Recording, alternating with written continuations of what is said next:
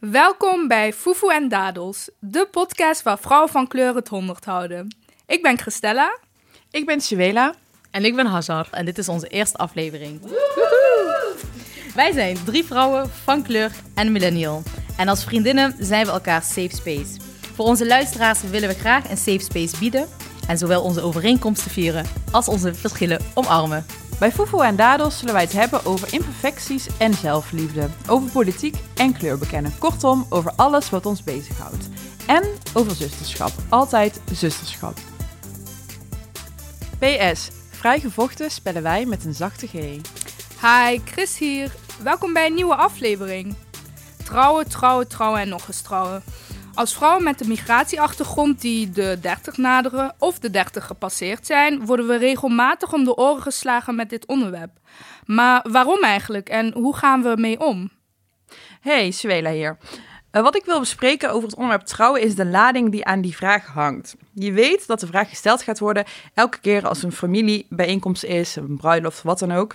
Als je single bent, dan hangt altijd dat oordeel eraan van je bent niet echt af. Hey, Hazar hier. Ik uh, wil het hebben over de vooroordelen eigenlijk en de stigma's die er zijn uh, bij ons over liefde en trouwen. En vooral uh, in samenhang met je leeftijd.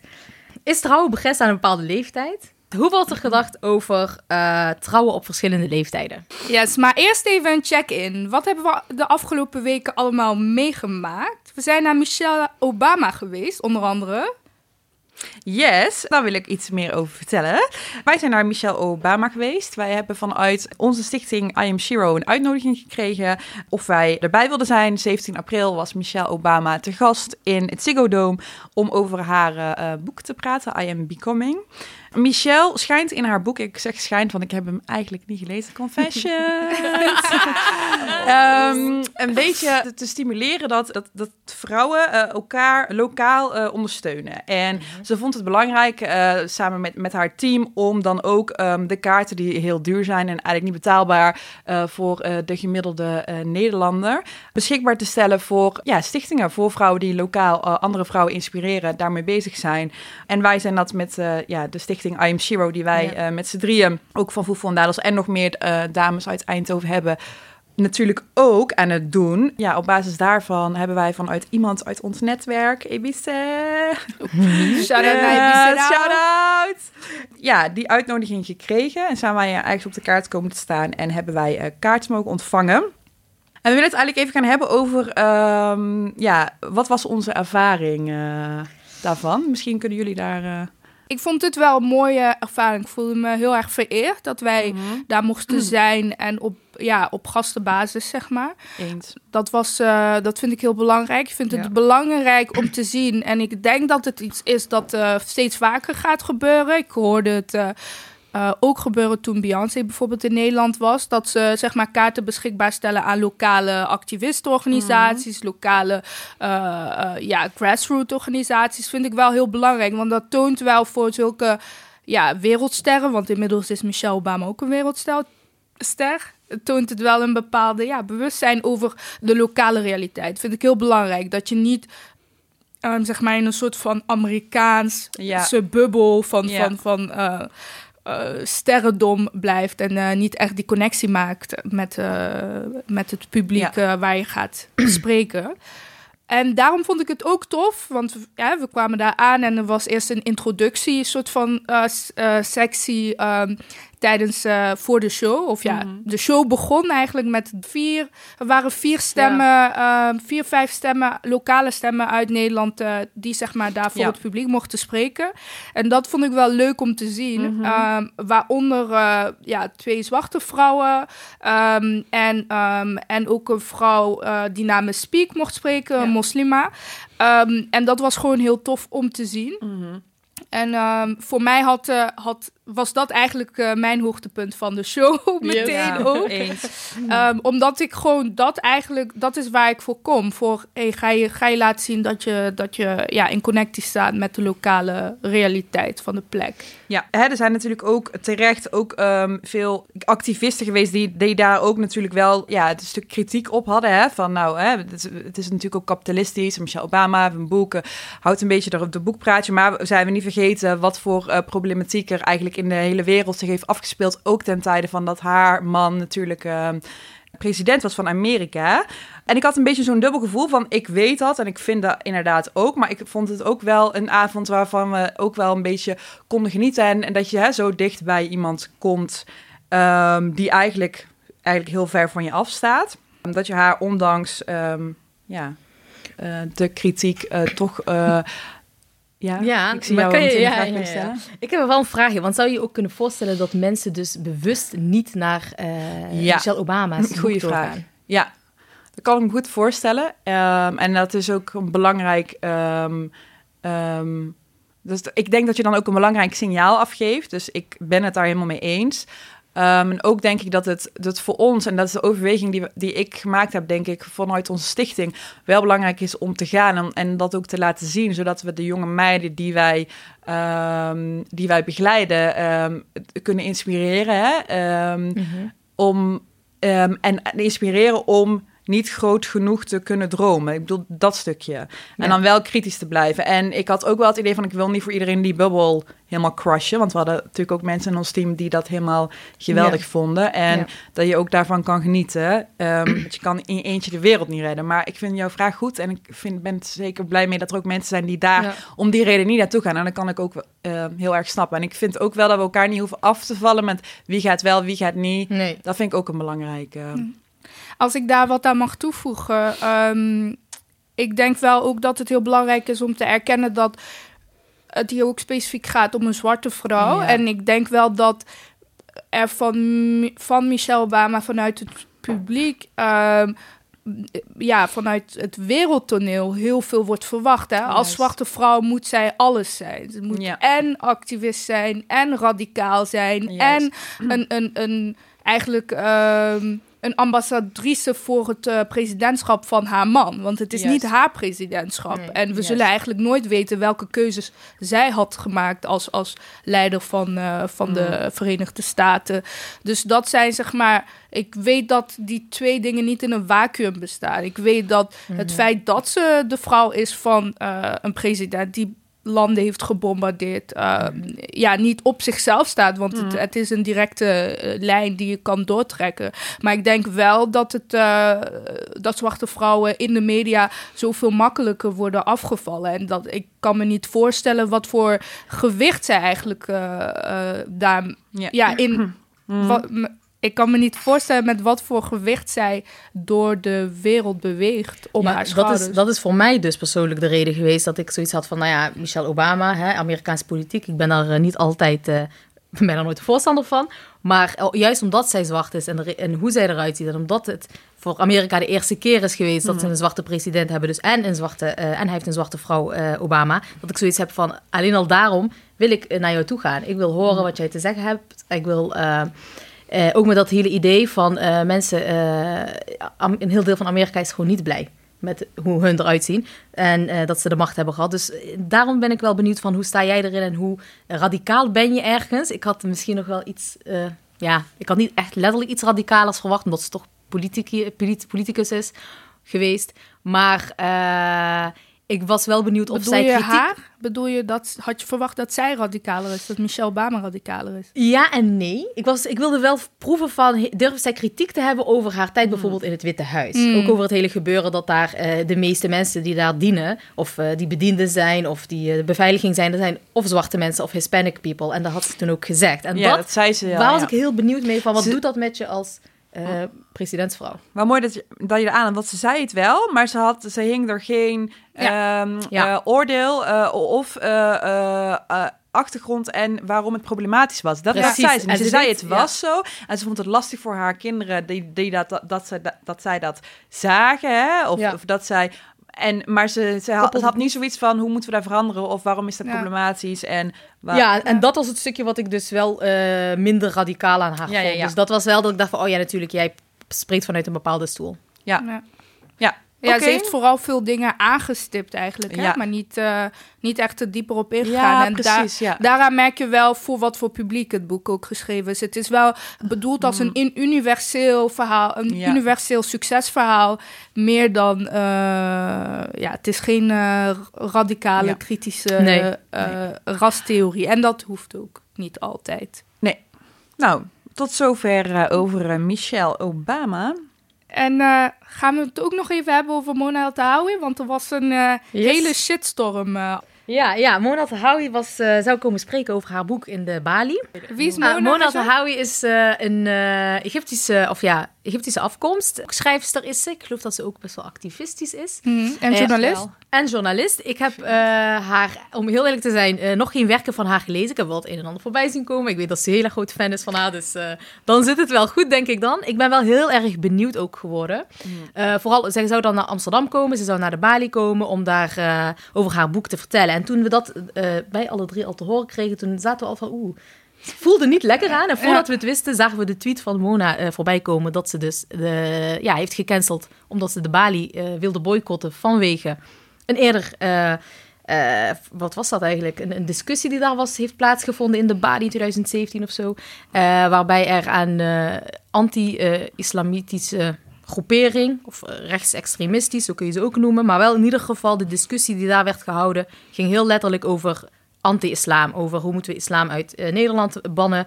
En uh, de Bali heeft daar gewoon toestemming voor gegeven, ruimte voor gegeven, plek voor gegeven om, om daar en, en nooit nadrukkelijk afstand van genomen. Ze discussieerden letterlijk hè, van hoe kunnen we de moslims deporteren. Dus dat is ja, wel, ja, ja, dat was uh, erger kan niet in, in dat ja. Uh, ja.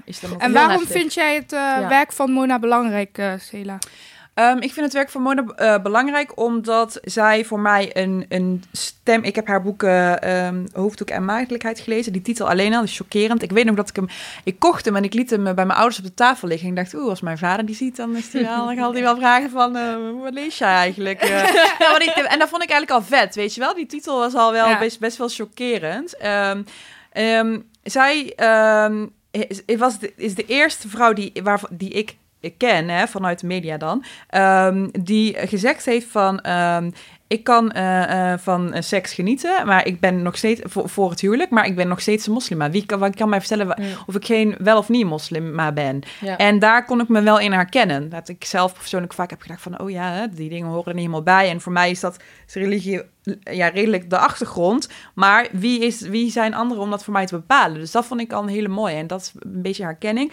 Um, en zij is zelf uh, opgegroeid natuurlijk in het Midden-Oosten en daarna ook wel in, uh, in Amerika. Maar zij weet wel hoe het voor vrouwen daar is. En dat vond ik ook heel interessant ja, om te weten. Het is natuurlijk anders ja. dan hoe het voor ons westerse uh, moslima's is. Um, want ja, dus... Uh, maar Mona krijgt natuurlijk ook wel kritiek van moslima's. Uh, kan je daar wat meer over uh, vertellen? Ja, ik. De uh, Dipsaus podcast heeft Mona dus wel kunnen spreken. Ja, en daar is het een en ander besproken over ook kritiek op haar werk. Kan Juist. jij daar meer over vertellen, Selena? Ja, de aflevering geluisterd. En ik, ik vond het heel mooi dat Mariam, het zelf ook moslima, vroeg aan, of in ieder geval dat ter discussie stelde van dat ze tegen Mona aangaf van ja, um, ik heb wel eens uitspraken gehoord uh, van jou. Dat was dan wel in 2007 bedoel ik, uh, denk ik. Um, maar dat gaat over dat jij de voorstander van bent dat uh, er een verbod komt op het dragen van de burka of, en niqab. Um. En Mariam stelde dat ook ter discussie van ja, maar als jij vrouwen die dat zelf willen dragen gaat plicht om dat niet te doen, hè, of daar voorstander van bent dat zo'n wet komt, dan ben jij zelf ook vrouw aan het onderdrukken. Um, en ik zelf heb daar vorig jaar ook een artikel over geschreven toen dus um, uh, bekend werd dat in Nederland die wet, uh, uh, die was, was toen nog, ja, die nu is ja. die aangenomen, geloof ik. En, gaat die in. Ja, ja, en toen was het, stond het voor het eerst ter discussie volgens mij, toen ik hem schreef in augustus 2018, zoiets. Um, en ik vond het mooi dat jullie daar het gesprek over hadden. En dat, dat, eh, wat ik mooi vond was dat Mona ook zei van... Um, we are allowed to uh, disagree. Uh, wij moeten het gesprek hierover hebben. Ja. Wij. Um, en wij, wie is wij dan? Zij, ik doelde op uh, moslima's onderling. Hmm. Um, en als ik het goed begrijp gaf zij aan dat zij die mening... dat die mening voor haar niet veranderd is. Maar dat het voor haar alles wat met bedekking te maken heeft. Dus ook in het christendom of, of uh, jodendom, maakt niet uit welke geloof. En dat is mhm. vaak als je de kerk in Rome binnen gaat, moet je ook uh, uh, gesluierd.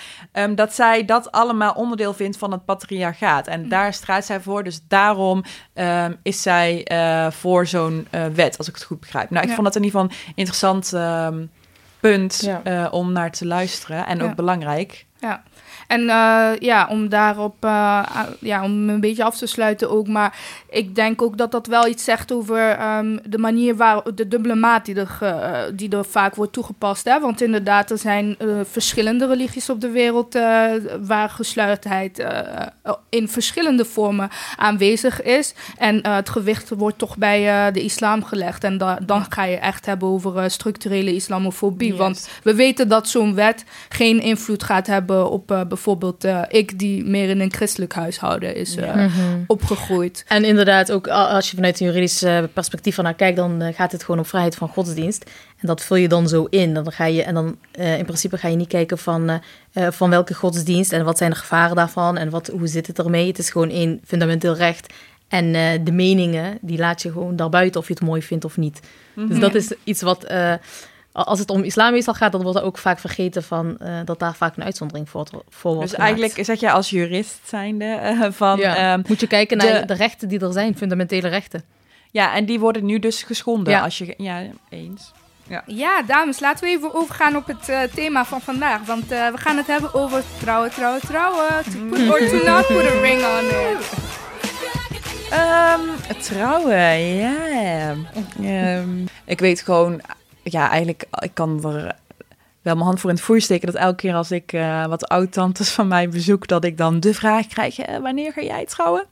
Um, en um, op zich uh, is dat één keer niet erg, maar als dat vaker gebeurt, dan is het toch best wel... Um, het, lijkt onschuldig, maar het is toch wel een vraag waar je, als je er dan elke keer moet, op moet antwoorden, ja, voor mij is het niet belangrijk en, en ik ben andere dingen aan het doen, vraag daar ook eens een keer na, hint, hint. maar dat dat dan... En dat het toch eh, iets doet wel mensen. In ieder geval, dat merk ik wel. Dat het wel eigenlijk achterliggend is die um, gedachte van... oh ja, dat is het hoogste doel wat je kan bereiken. Um, ja, dat, dat, die gedachte doet wel iets met mij uh, in mijn um, eigen... voor mijzelf juist dat ik me in het begin toen ik iets jonger was, nog me heel erg er tegen afzetten. Daar hoef ik helemaal niet in. Maar dat is ook niet precies wie ik ben, snap je? Dus ik probeer dan ook wel naar mezelf te komen, want dat is voor mij belangrijk. En ik vind, wat ik wel problematisch vind, is dat trouwen als een soort van doel gezien wordt. Dat, dat, je dan, dat ze het hebben over uh, die achterneef daar en daar. Ja, die is ook getrouwd. En, uh, of die neef, ja, die gaat trouwen. Terwijl ik ik van mening ben dat het moet je overkomen als het goed is. En uh, ik vind al het andere vind ik doelen waar je voor kan werken. Hè? Uh, gewoon een nieuwe baan hebben of voor jezelf zorgen of naar de psycholoog gaan of, of we, we, hè, uh, alleen op reis. Dat vind, ik, dat vind ik echt werk. En trouwen, dat overkomt je. En dat wordt niet altijd gezien als, uh, als zoiets. Het wordt meer gezien ja. als een doel wat je moet behalen. En het is mooi als het, als het gebeurt of niet, als ja. jij daar blij mee bent. En heb je, heb je dan ook, hè, als ze zeggen over, eh, je noemt het het hoogste doel, hè, zo komt het ja. heel vaak over. Heb je dan ook zoiets van, uh, dat er niet wordt gekeken of, je, uh, of het een leuk stel is, of ze gelukkig met elkaar ja. zijn, of dat, dat al heel vaak... Daar heb ik vooral vanaf een bepaalde leeftijd. Dus uh, als Welke iemand, leeftijd? Als, als een vrouw, want het gaat voornamelijk vrouwen, dat ook uh, de 30 gepasseerd is, dan wordt er niet meer zo heel erg gekeken naar, nou, hoe leuk is die gast eigenlijk, waar ze mee gaat trouwen. als of, man. Ja, al, ja, nee, echt. Nou, als het maar... Uh, oh ja, nee, zij, zij als is ook het maar af. een hetero zij, is. En als het maar een hetero huwelijk is, precies. En ook zij is dan af, weet ja, je wel? Ja. Je bent dan af. Dan, dan, dan ben het, je af in de zin van... Dan, dan is je leven af. Dan, dan ben je dan safe. je Dan hoeven jouw ouders niet, zich geen zorgen meer over jou te maken. Ja. Dan ben je gewoon ja. af. Ja. ja. en dat is uh, herkenbaar, hè, Hadja? Hoezo? Wat bedoel je? Ja. Nou, ik werd uh, vorig jaar 25 en uh, ja, ik bereikte daarmee dus de leeftijd waarop mijn eigen moeder van mij is uh, bevallen. En mijn moeder heeft toen op Facebook geschreven, gefeliciteerd, je hebt nu de, de leftijd bereikt. En ik vond dat wel een grappige, zeg maar, autocorrectie, want het ja. is inderdaad leftijd. Ja. dus ik moet een beetje nu de lef hebben om um, bepaalde um, um, dingen die van mij verwacht worden ook juist te doorbreken misschien. Maar mm. dat is niet hoe mijn moeder het bedoelde. Ja. Nee, dus ik heb de leeftijd bereikt waarop mijn moeder mij, van mij beviel. En um, ik merk dat deze leeftijd, ja, dat dat een soort van nieuw volwassenschap is. Je hebt 18 en je hebt 25. Mm -hmm. Dat is een soort van... Mm. Een, een, twee verschillende vormen van volwassen worden, merk ik in mijn... moet je uitkijken, want dan ga je echt richting de 30. Ja, zo wordt het ook gezien. hè? Zo, zo wordt het ook gezien. Ik altijd de toon die erbij ja, zit. Ja, ja. ja, richting de 30. En um, ik, uh, ik weet natuurlijk zelf, eh, want ik ben natuurlijk niet uh, me bewust uit bed gestapt of bewust uit de buik gekomen van mijn moeder. Dus ik weet dat ik vroeger ook heel erg zo keek van op mijn 25ste moet ik huisje, boompje, beestje. En mm. dan ben ik zus en zo, getrouwd met die en die misschien. maar helaas, Idris Elba is teken sinds vorige week. Dus, dus die dromen. nee, maar um, dus ja, dat, dat, toen ik jonger was, dacht ik ook van. Uh, ja, dat, dat is hoe het hoort, weet je wel. En, uh, en, en als ik hoorde dat iemand 25 was, dacht ik zo, die gaat wel echt richting een bejaardentehuis. Ja. En uh, ja, nu, nu natuurlijk helemaal niet. Nee. Um, um, en dat is heus niet omdat ik het zelf ben. maar dus toen, deze zomer werd ik 25. mijn ouders hebben een heel groot feest gegeven. En uh, waar, uh, waar zij ook vierden dat zij uh, um, 25 jaar getrouwd waren. Toevallig. Over dat toeval gaan we het later hebben in deze podcast. Sorry, mom. Um, maar op dat verjaardagsfeest, ja, kwamen er, ja, hoorde ik toch wat geroezemoes ook van. Uh, en ook voorga voorgaand aan dat verjaardagsfeest. Want het was gewoon een heel goed feest in een kasteel, mm -hmm. hè, om in het uh, African Royal familie, thema. Familie ja, met, allemaal? Ja, allemaal vrienden en familie of mm. vrienden die als familie zijn. Um, behalve Hajar en Swelen, want die moesten zo nodig op vakantie in die periode.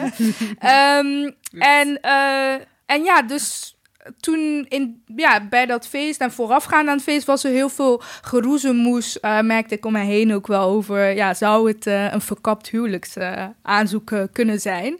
Want ik heb een aankondiging ja, doen. Ja, want ik heb een vriend en dus ja, dan... en er kwam zelfs een tante naar me toe, die zei van, hey, hey, jullie moeten het wel een beetje jong doen, want dan kunnen wij meebetalen, zei ze tegen mij. Dus uh, en uh, ik dacht, ik raakte ook in paniek, want ik dacht, hoezo? Uh, als ik 40 ben, wil ik nog steeds dat jullie meebetalen. maar anyway, los daarvan, los daarvan merkte ik dus um, dat ik daar wel moeite mm. mee had. En ik merkte dat die pressure dus omhoog ja. werd gevoerd. Op dezelfde manier dat ik vrouwen om mij heen zie die ouder dan mij zijn. Um, ja, dat ervaren. Had je ook wel genoten van je verjaardag? Ik heb wel genoten. En dat is zeker meer. Dit is meer een voetnoot dan een thema van de, van de dag, natuurlijk. Ja, ja, dus ja. dit was niet soort van super aanwezig. Maar het is gewoon een voorbeeld om te zeggen van hoe komt het, uh, mm -hmm. hoe zie je het om je heen. Mm -hmm, en ja. Uh, ja. zo zie ik het om mij heen. En wat voor mij vooral uh, de grap daaraan is, is dat ik zeg maar meer in een milieu ben opgegroeid waar het woord vriendje meer een beetje een taboe ding is. Je mm -hmm. bent of getrouwd of ja. single. Je bent ja. niet ertussenin, weet je wel. Dat kan gewoon niet. En um, maar het is ook wel van als je een bepaalde leeftijd bereikt, wordt er verwacht dat je ergens een man vandaan tovert. Ja, dus ja. tussen het verbod en het trouwen, wanneer moest ik Hoe? die man dan vinden? Juist. Ja, Hoe kan je daten als je niet mag daten? Dus uh, ja, dat is wel een, een soort van uh, uh, raadsel dat ik nog steeds aan het uitpuzzelen ben. ja, me too, man. oh, oh, oh, oh. Ja, um, ja wat, mij, wat mij over dit onderwerp ook uh, eigenlijk de laatste tijd vooral heel erg is gaan verbazen, is hoe uh, mijn eigen leeftijdsgenoten, um, ja, en ook vrouwen van kleur, ermee omgaan. Dus uh, dat ik, ik had laatst bijvoorbeeld een gesprekje gehad. En dat is een meid wat twee of drie jaar jonger is dan ik. En ze zei toen echt tegen mij, ik was helemaal in shock. ja, Hazar, jij wil gewoon die echte liefde.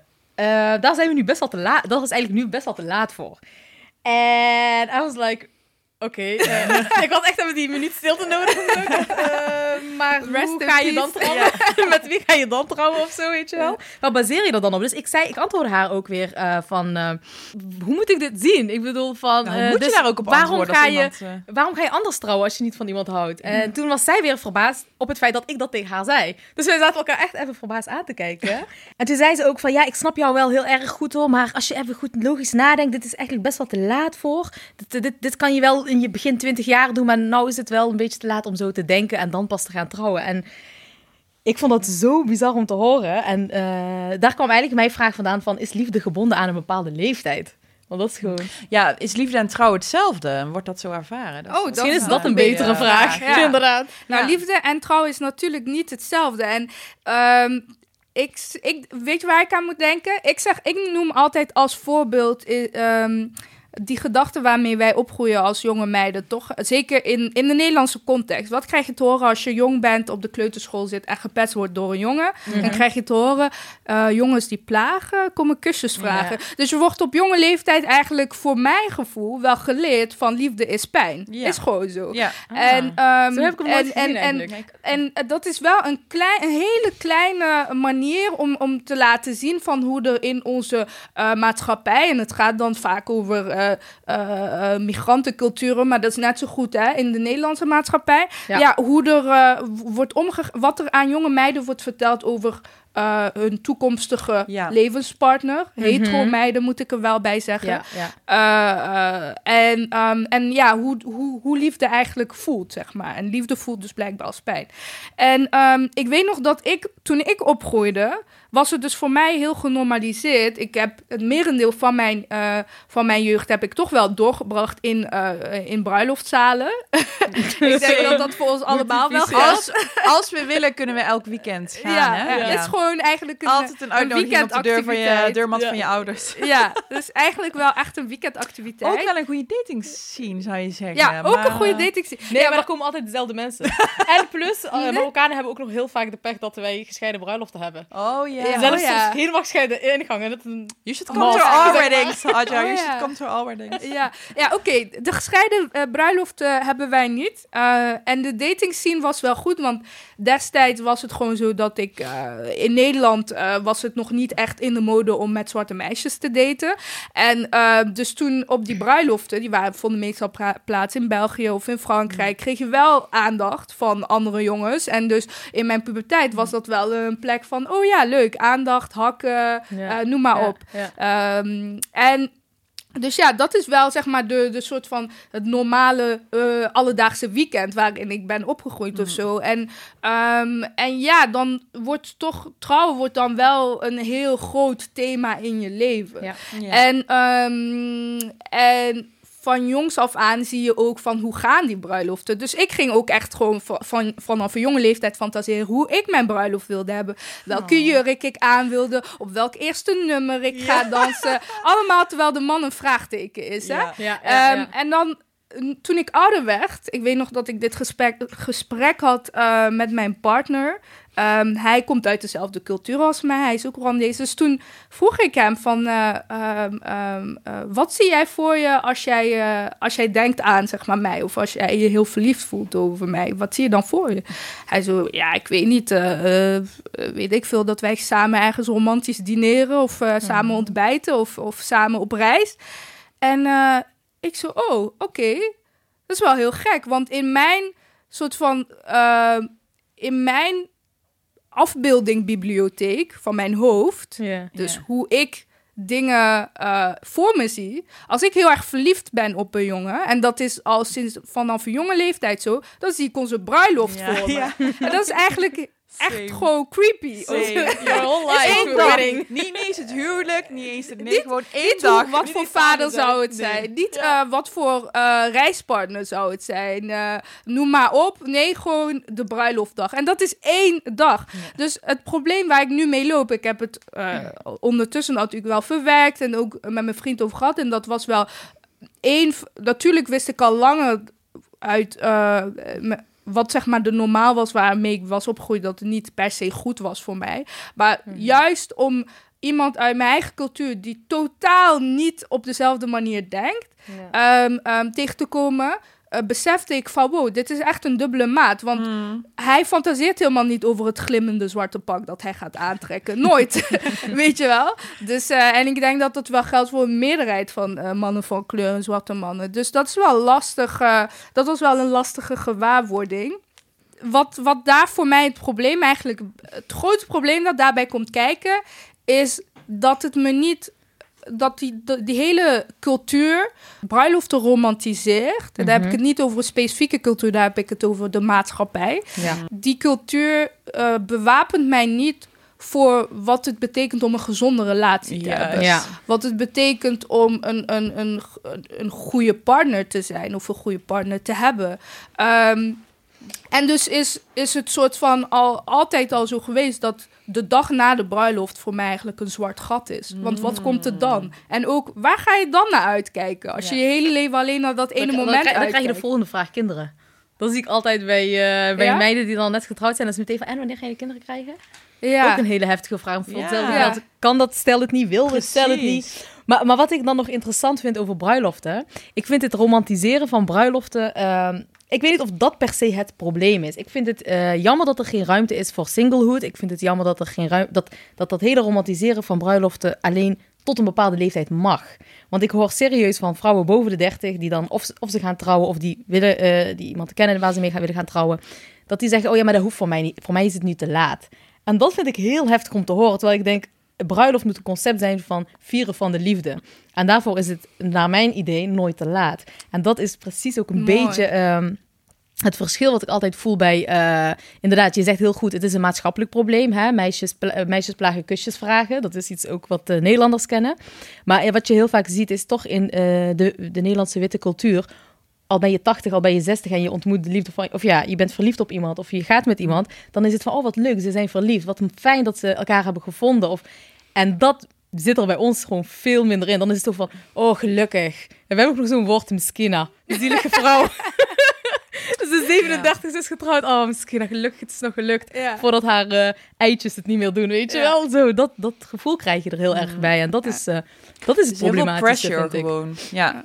En bedoel jij ook van dat je zegt van nou hoeft het niet meer voor ons dat als vrouwen boven de 30 trouwen, dat mensen ook niet meer verwachten dat je een hele uitbundige bruiloft gaat houden? Ook dat? Ehm, niet alleen de liefde, dat die helemaal goed zit, dat je denkt, nou die zijn echt verliefd, maar ook dat er geen, dat er geen hele speciale dag meer gehouden hoeft te worden. Of is dat? Eh, nou, ik zie wel dat er wel gewoon gelukkig gewoon eh, een grote feest wordt gegeven. Ja, of, ja, gelukkig. Ik hoop als ze dat leuk vinden om te doen, dat, ze dat, dat zie ik wel gebeuren. Alleen, ehm, ik heb dus, eh, ik was toen, ja, was een paar jaar geleden, had ik een, eh, een oud collega van mij en die ging toen op een gegeven moment trouwen. Het was een eh, Marokkaanse vrouw, was 34 of zo. En toen zei ik van, en die moeder, en ze wilde eigenlijk niet een heel groot feest geven. Dus ik dacht, oh ja, dat wil ze niet, want ze voelt zich daar te oud voor. Toen zei ze, nee, ik wil dat gewoon niet, ik hou niet zo van grote feesten. Toen dacht ik, oh, oké, dat kan, weet je wel, want dat is ook iets waar heel weinig ruimte voor is in onze, in onze culturen. Of ja, Ja. bij, bij ons. Maar grappig dat je zegt van ik dacht, daar voelt ze zich te oud voor. Dat is dan dus Ja, geïnternaliseerde absoluut. Want ik dacht van, die ja, wij waarom zou je geen hebben. feest willen geven? En Ja. toen zei ze dus van, nee, mijn moeder wil per se die feest geven. En ik zei, waarom wil ze dan? Ja, ze zei tegen mij, je moet er niet denken... Dit zei ze letterlijk, we moeten niet denken dat, dat wij jou, eh, omdat jij 34 bent, zomaar hebben weggegeven. Mm. En ik vond dat Oh, zo heftig om te horen, Mm. dat ik het nog steeds wel eens, zeg maar, dat ik daaraan denk en denk van, hoezo, voor wie moet jij jou bewijzen? Mm. En alsof dat een bepaalde ehm, soort van 34 jaar, dat is onmogelijk, dus we hebben haar zomaar weggegeven. En ik kan die gedachten niet aan elkaar koppelen. Ik weet Mm. niet wat ik daarbij moet denken. Ja. Ja. ik vind het, het stukje weggeven al problematisch, maar daar kunnen we een andere keer eh, misschien over. eh, Ja. Ja, Ja. nee, maar ja, vertel maar. Hoezo weggeven? Ehm, kijk, ehm, ik heb dan natuurlijk de, de, de Turkse achtergrond. En eh, bij ons zijn bruiloften echt huge, echt uitbundig. Ik denk dat er, dat er geen groep bestaat in Nederland die grotere bruiloften hebben dan Turken. Ehm, dus allemaal, die zalen zijn eh, allemaal gelegen op een industrieterrein. Iedereen kent ze in Eindhoven, twee zalen. Ehm, en daar kunnen dan gewoon duizend man in. Of Brabanthallen afhuren, kan ook gewoon. Ehm, maar daar is, de, het is niet alleen een bruiloft, maar het is ook gewoon, het is ook gewoon handel. Eh, het is, eh, nou ja, bij, bij ons wordt er... Is de, de, de, de hele romantiek is eruit gegooid. nou ja, inderdaad, misschien helemaal Ja, romantiek ja, eruit. Nee, ja. maar het is een soort eh, hè, traditie dat volgens mij ook van oudsher ook in China gedaan wordt. ehm, dat, ehm, dat er geld gegeven wordt hè, aan Mhm. het bruidspaar. Mooi, fijn, zodat ze de zaal van de trouw kunnen gaan betalen. Wordt vaak daarmee afbetaald. Ehm, maar, en dan heb je natuurlijk gewoon gezinnen die naar elkaars bruiloft gaan, omdat ze ook naar de bruiloften van hun kinderen zijn geweest. Ja. Je hebt ook mensen die gewoon aan de deur komen van... hallo, eh, jij bent niet op de bruiloft van mijn zoon geweest... maar ik heb wel 50 euro gegeven. Weet je wat, dat een beetje ehm, op, lekker op zijn Eindhovens. Ehm, maar dan als we het dan hebben over weggeven... dan volgens mij is het ooit het concept trouwen ook wel als een soort van um, als een als een uh, uh, soort verzekering, levensverzekering voor een vrouw, dat zij in ieder geval een bruidschat heeft voor als haar man ooit komt te overlijden of ja, wat dan ook, klopt. dat zij dat iets is, heeft. Uh, hè? Ja. ja. ik weet niet waar, maar ik heb dat ergens gelezen. Ja, dat, is, dat, is, dat is zelfs gewoon een heel Europees model eigenlijk. Dat, is, dat was al zo tijdens in de Romeinse tijd was dat mm. al zo. En daar komt ook ons recht vandaan. Hè? Dus het huwelijksstelsel zoals het bestaat in Nederland, in Europa, ja. stamt van het uh, oud-Romeins recht. en dat komt, uh, ja, zeg maar, de, de, de afkomst daarvan van ja, wat ze in het Frans la dot noemen. Ik weet niet hoe het in het Nederlands heet. De huwelijksschat, volgens mij. Mhm. De huwelijksschat is dat eigenlijk. Komt daar vandaan. Zodat als de man uh, komt te overlijden, dat, uh, het, dat het geld als levensverzekering uh, naar de vrouw gaat of teruggaat naar de schoonfamilie.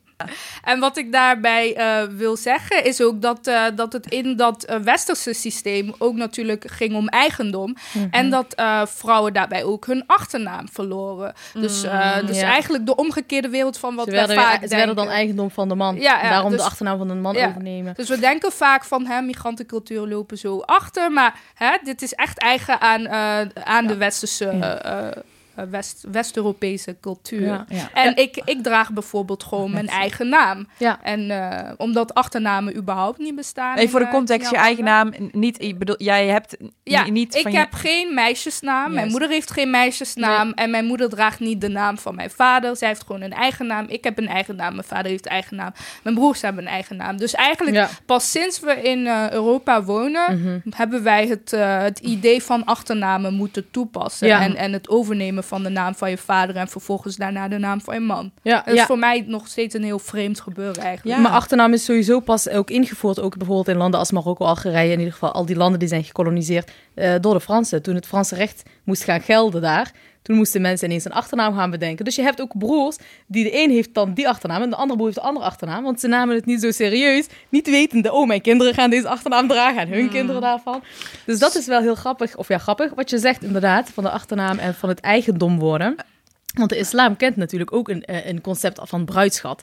En uh, dat wordt mahr genoemd. En hoe ik het heb, hoe ik het heb geleerd, um, is, het een, um, is het symbolisch om te laten zien van uh, de man uh, ja, de man, die geeft het aan de vrouw. Uh, als symbool van ik wil voor jou zorgen. I will provide for you.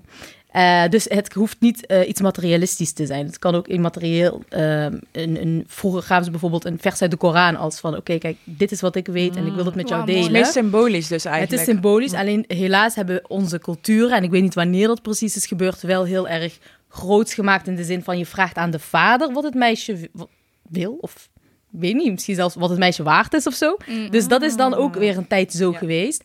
En je ziet ook wel dat die uh, wat, wat religieuzere moslims dat daar helemaal van af willen en weer gewoon terug willen van ik bepaal wat ik, uh, uh, wat ik aan een vrouw wil geven en zij bepaalt wat zij wil ontvangen. Dus dat het dan weer gewoon op die manier. Ja, in de Rwandese cultuur wordt bruidschat gegeven in de vorm van het aantal koeien. Uh, dus uh, ja, wat ik uh, heel vaak hoorde toen ik jonger was, is... we, we, hebben een familie met heel veel dochters. En dus heel veel nichtjes. en wat wij vaak hoorden was, er zitten heel veel koeien in deze familie. we gaan rijk worden. Dus dat was de andere... kant van de, van de munt was wel dat het dan wel weer positief was bij ons om als dochter de wereld in te komen en niet als zoon. Want dat levert koeien op. Ja, dat is ook niet altijd overal uh, het geval.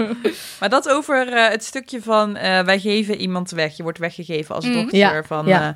dat, is, ja, dat is wel iets wat belangrijk is om naar te kijken. denk die lading die daaraan zit, zeg maar. Oh, ja, want ik ben wel benieuwd, hè? Dat weggeven. Nou, nee, het heeft niet. kijk, ik, ik vind het. Wat ik mooi vind is dat, hè, natuurlijk, dat uh, vooral als je, uh, ik woon dan niet meer thuis, maar als je thuis zou wonen, dat je van jouw um, familie, vader en moeder, naar ook dat, er een andere familie bij komt en je wordt samen een familie. Zo zie ik het. Ja. Dus dat vind ik het mooi. Maar ik vind het stukje van wij geven de vrouw weg en wij hebben dan ook een ceremonie waar, waar de broer dan de, het, het, dat lintje, zijn zus, ja, het, ja. het lintje omdoet voor de, de maagdelijkheid vind. Maar waar ik me dan, um, wat ik daarvan vind, um, is dat dat alleen bij de vrouw wordt gelijk. Ik bedoel, um, voor man, ik kan me voorstellen, ik heb wel eens nagedacht over de, de Turkse bruiloften die zo, zo super groot zijn. Nou, er zijn dan duizend man en er is uh, eigenlijk een gemiddeld is er duizend man, 700 mm -hmm. tot 1000 man.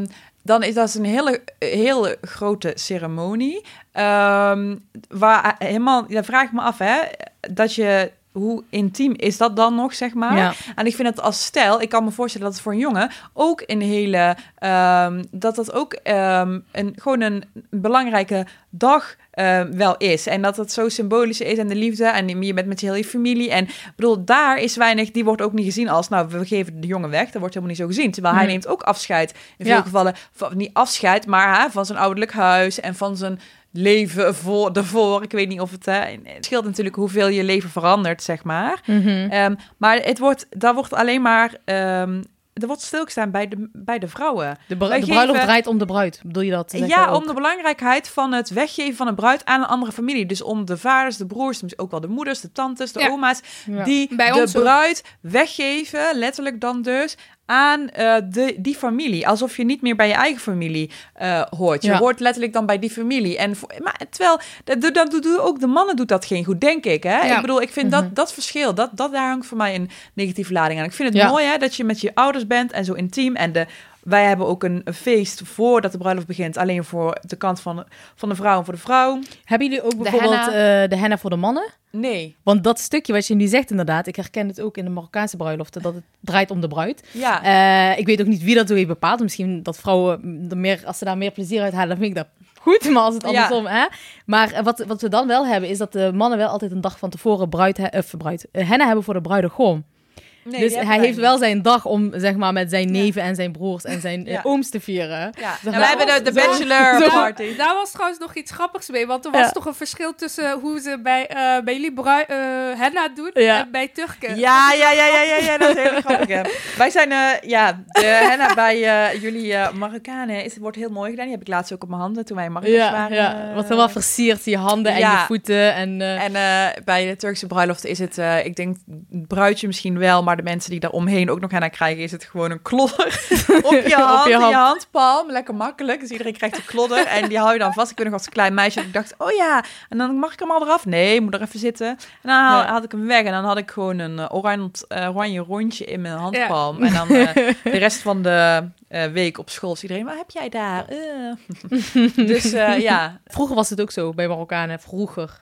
Ja Met een dan- nadruk op vroeger. Nee. Dan, had je, dan deden ze gewoon de hele handen oranje maken. Dus wat jij Oh, doet, die ja. klodder. En dan doen ze hem zo met eh, een doek daaroverheen binden. Ja. Totdat het eh, hard wordt. En dan haal je Ja. hem eraf. En dan zijn jou Ja, dus handen dan is het niet meer echt een kunst. Dan is het gewoon Nee. nou, lekker makkelijk klodder. gewoon hier henna op je handen.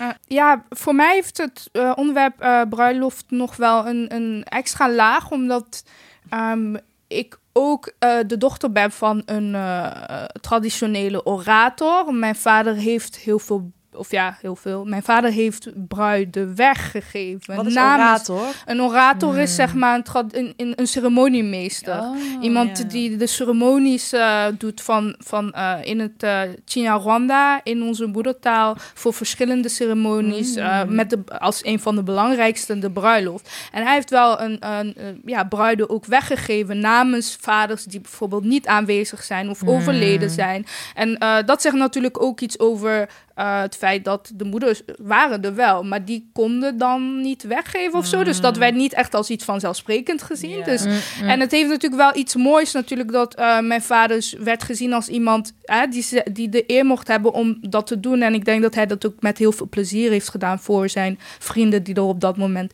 eh, niet waren. Ehm, maar op het moment dat een jongen geen, eh, zijn vader eh, er niet is, dan Ja. is er geen probleem van weggeven. Want Ja. jongens worden niet weggegeven.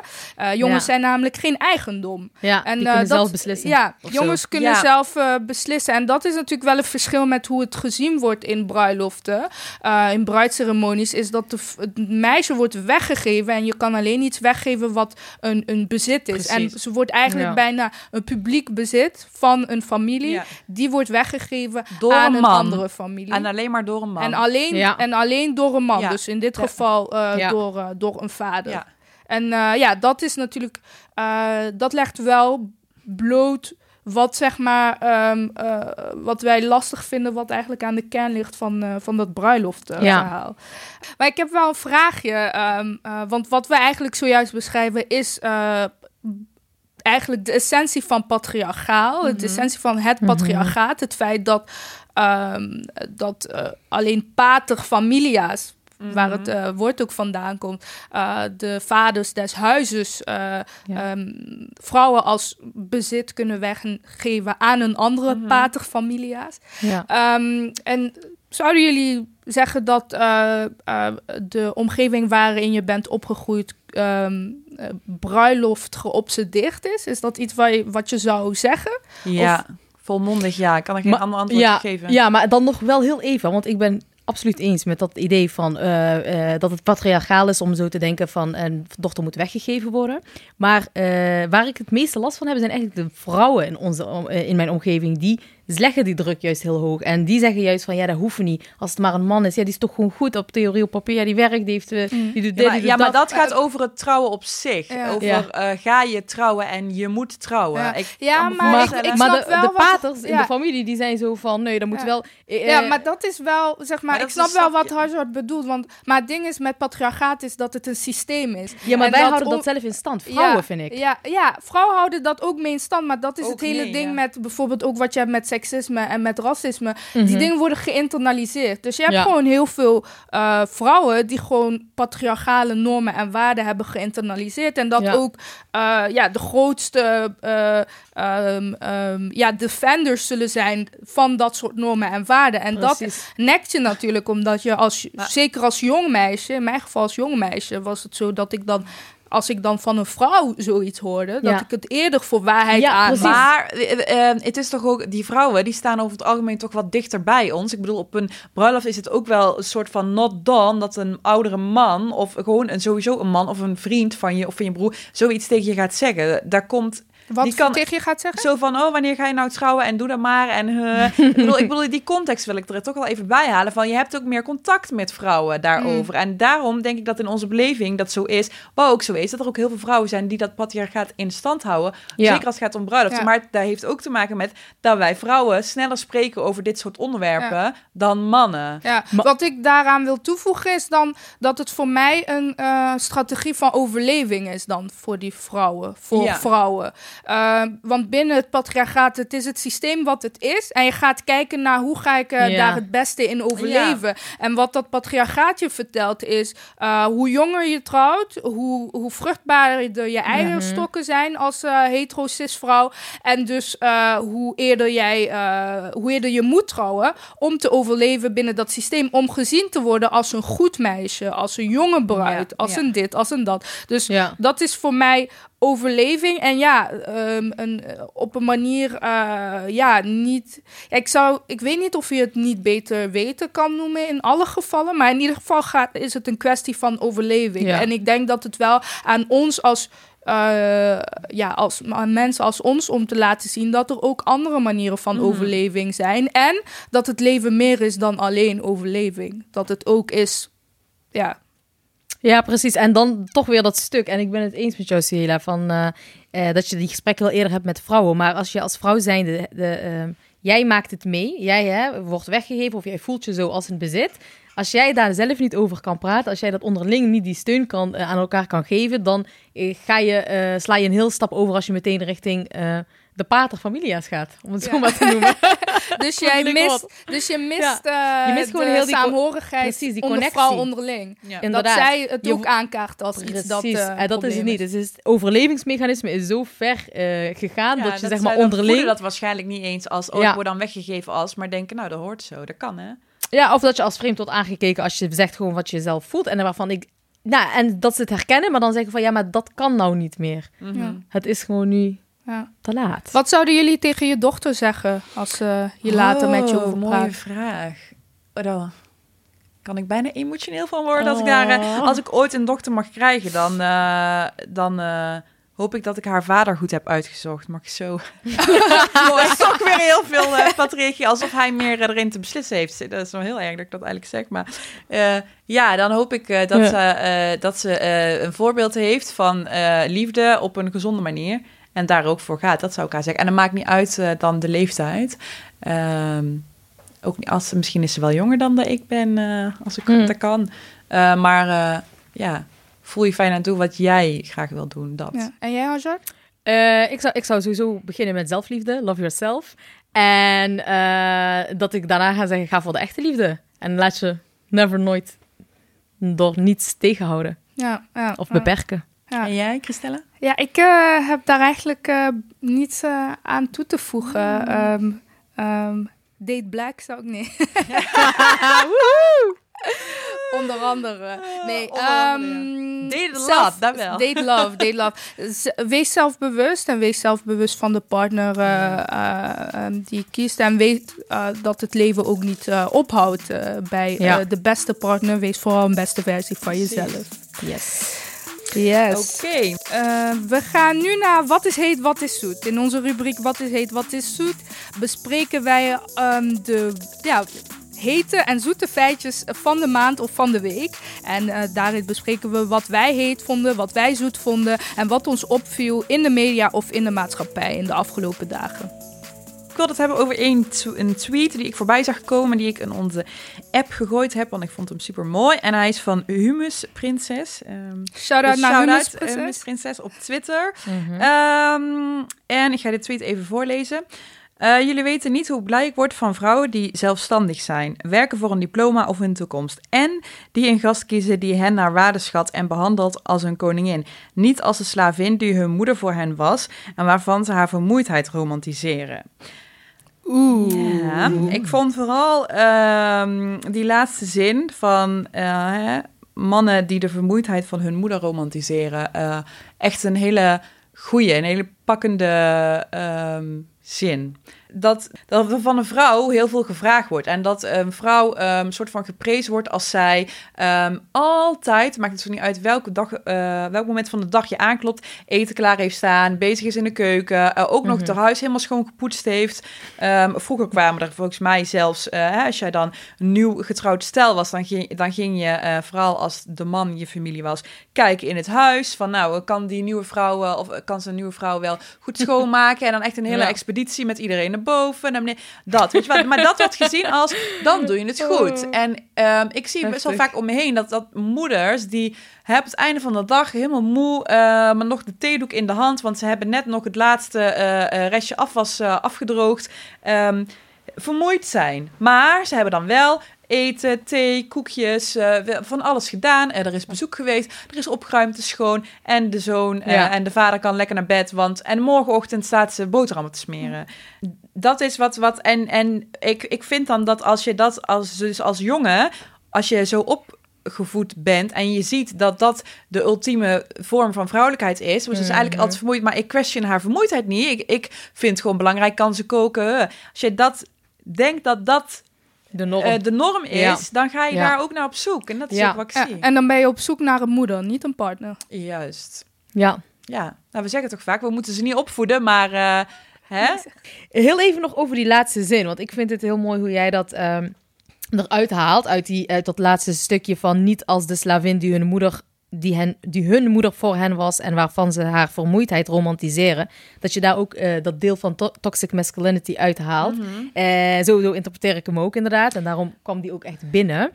Uh, wil, wil, ik nog wel even een paar vragen stellen over dus toxic masculinity. Mm. Christelle, kun je even ons een beetje uitleg geven over wat we daar precies mee bedoelen. Um, ja, wat, wat eigenlijk bedoeld wordt met toxic masculinity, dat is giftige mannelijkheid. Mm -hmm. En mhm. wat giftige mannelijkheid is, is een vorm van uh, man zijn in de wereld die, uh, die schade aanricht. En mm. um, dat is ja. vaak een vorm van man zijn, of altijd een vorm van man zijn, die zich heel erg beperkt en binnen de lijntjes van man zijn is. Wat ja. wij zien als man zijn. Dus ja. een man moet sterk zijn. Een man mag nooit huilen. Uh, jongens plagen kusjes vragen, inderdaad. Dus je moet een, een meisje pijn doen om haar liefde te winnen.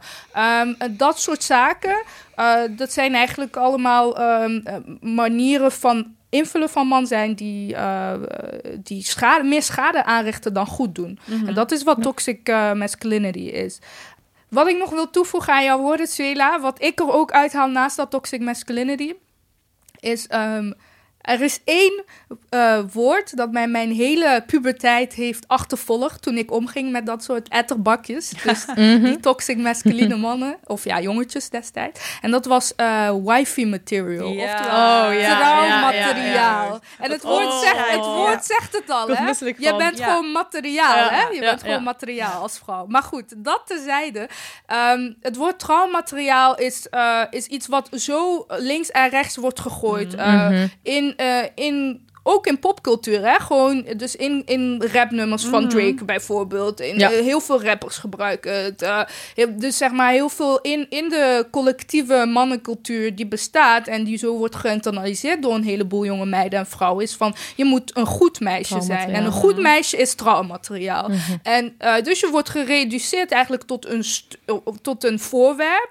Uh, en, waar je aan moet voldoen. Ja, waar je aan moet voldoen. Ja. En, um, en ja, dat, dat, dat dat woordtraumateriaal bestaat allemaal in allemaal van die fictieve regeltjes waar je aan moet voldoen. En dat is precies die, regel, precies die regels heeft Humus Prinses het over. Die regels waar je aan het einde van de dag over vermoeid van bent, maar je bent tenminste trouwmateriaal. En dat is en wie wordt er nou gelukkig van? Ja, en wie wordt daar nou echt gelukkig ja, van? Precies. Dat is nog maar de vraag. En, en van trouwmateriaal nog één ding vind ik echt het misselijkste woordje wifi mijn wifi. Ja, ja. Zo heel klein was dan ook, uh, zo, weet je Husband, hubby heb je trouwens. Hubby. Ja, maar hubby vind ik dan weer niet dat je dan van jouw husband geen... Ja, waarom is het geen husbandje? Husbandje. nee, wifi is echt zo wifi is handtas of ja. zo. Ja, ja, wifi. van wifi. Ja, ja hier ben ik tackle bent of zo.